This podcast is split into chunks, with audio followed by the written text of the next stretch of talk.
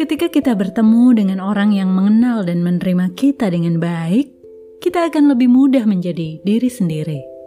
Tanpa tedeng aling-aling, menunjukkan kerentanan diri, apa adanya. Itu sebabnya, berada di sekeliling orang-orang yang mengasihi dan mendukung, kita dapat menunjukkan versi terbaik kita.